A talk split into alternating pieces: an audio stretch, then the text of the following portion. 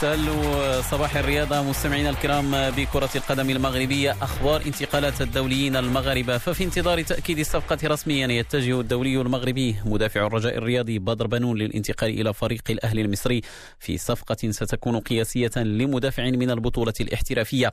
مصادر صحفية مغربية ومصرية أوضحت أن فريق الأهلي فتح في سرية تامة قنوات التفاوض في وقت سابق مع الرجاء واللاعب بدر بنون لضمه إلى صفوفه. فتم الاتفاق نهائيا بين الطرفين على بنود العقد. عقد وبحسب ذات المصادر سيمتد لثلاثة مواسم يتقاضى بموجبها اللاعب راتبا سنويا يصل إلى مليون دولار في الموسم الواحد على أن صفقة الانتقال ستكلف فريق الأهلي مليوني دولار يدفعها للرجاء.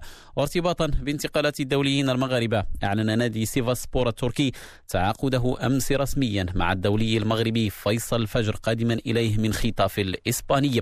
الفريق التركي أكد أن فجر وقع عقدا لمدة موسمين مع النادي المقبل على خوض مسابقة الدوري الأوروبي في الموسم الجديد. مغربيا دائما في تونس تم كشف النقاب رسميا عن موعد مباراة السوبر التونسي بين بطل الدوري الترجي وحامل لقب الكأس الصفاقسي وهي المواجهة التي ستجرى الأحد القادم العشرين من شتنبر بداية من الساعة السادسة مساء بالتوقيت المحلي. دون حضور الجمهور بالملعب الأولمبي حماد العقربي برادس وفي حال انتهاء المباراة بالتعادل في الوقت الأصلي سيتم اللجوء مباشرة إلى ضربات الترجيح لتحديد المتوج باللقب.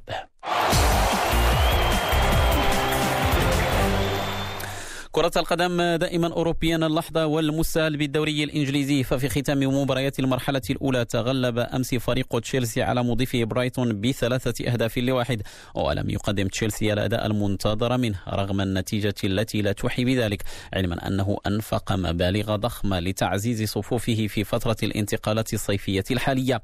وفي مباراة أخرى عن ذات الجولة قاد الدولي المغربي رومان سايس فريقه وولفرهامبتون لفوز في مستهل مبارياته في البريمير ليج فسجل الهدف الثاني في فوز فريقه على المضيف شيفيلد يونايتد إلى فرنسا وتداعيات كلاسيكو الليغ آن المثير للجدل الذي جمع أول أمس بين باريس سان جيرمان وأولمبيك مارسيليا.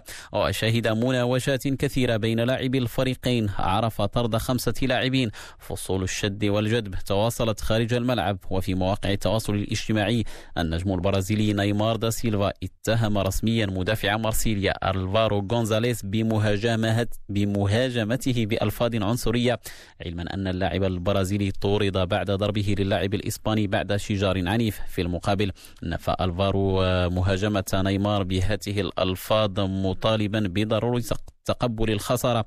هذا وأصدر ال PSG بيانا يدعم فيه لاعبه نيمار مطالبا لجنة الانضباط في رابطة الدوري الفرنسي بالتحقيق وتأكيد الحقائق.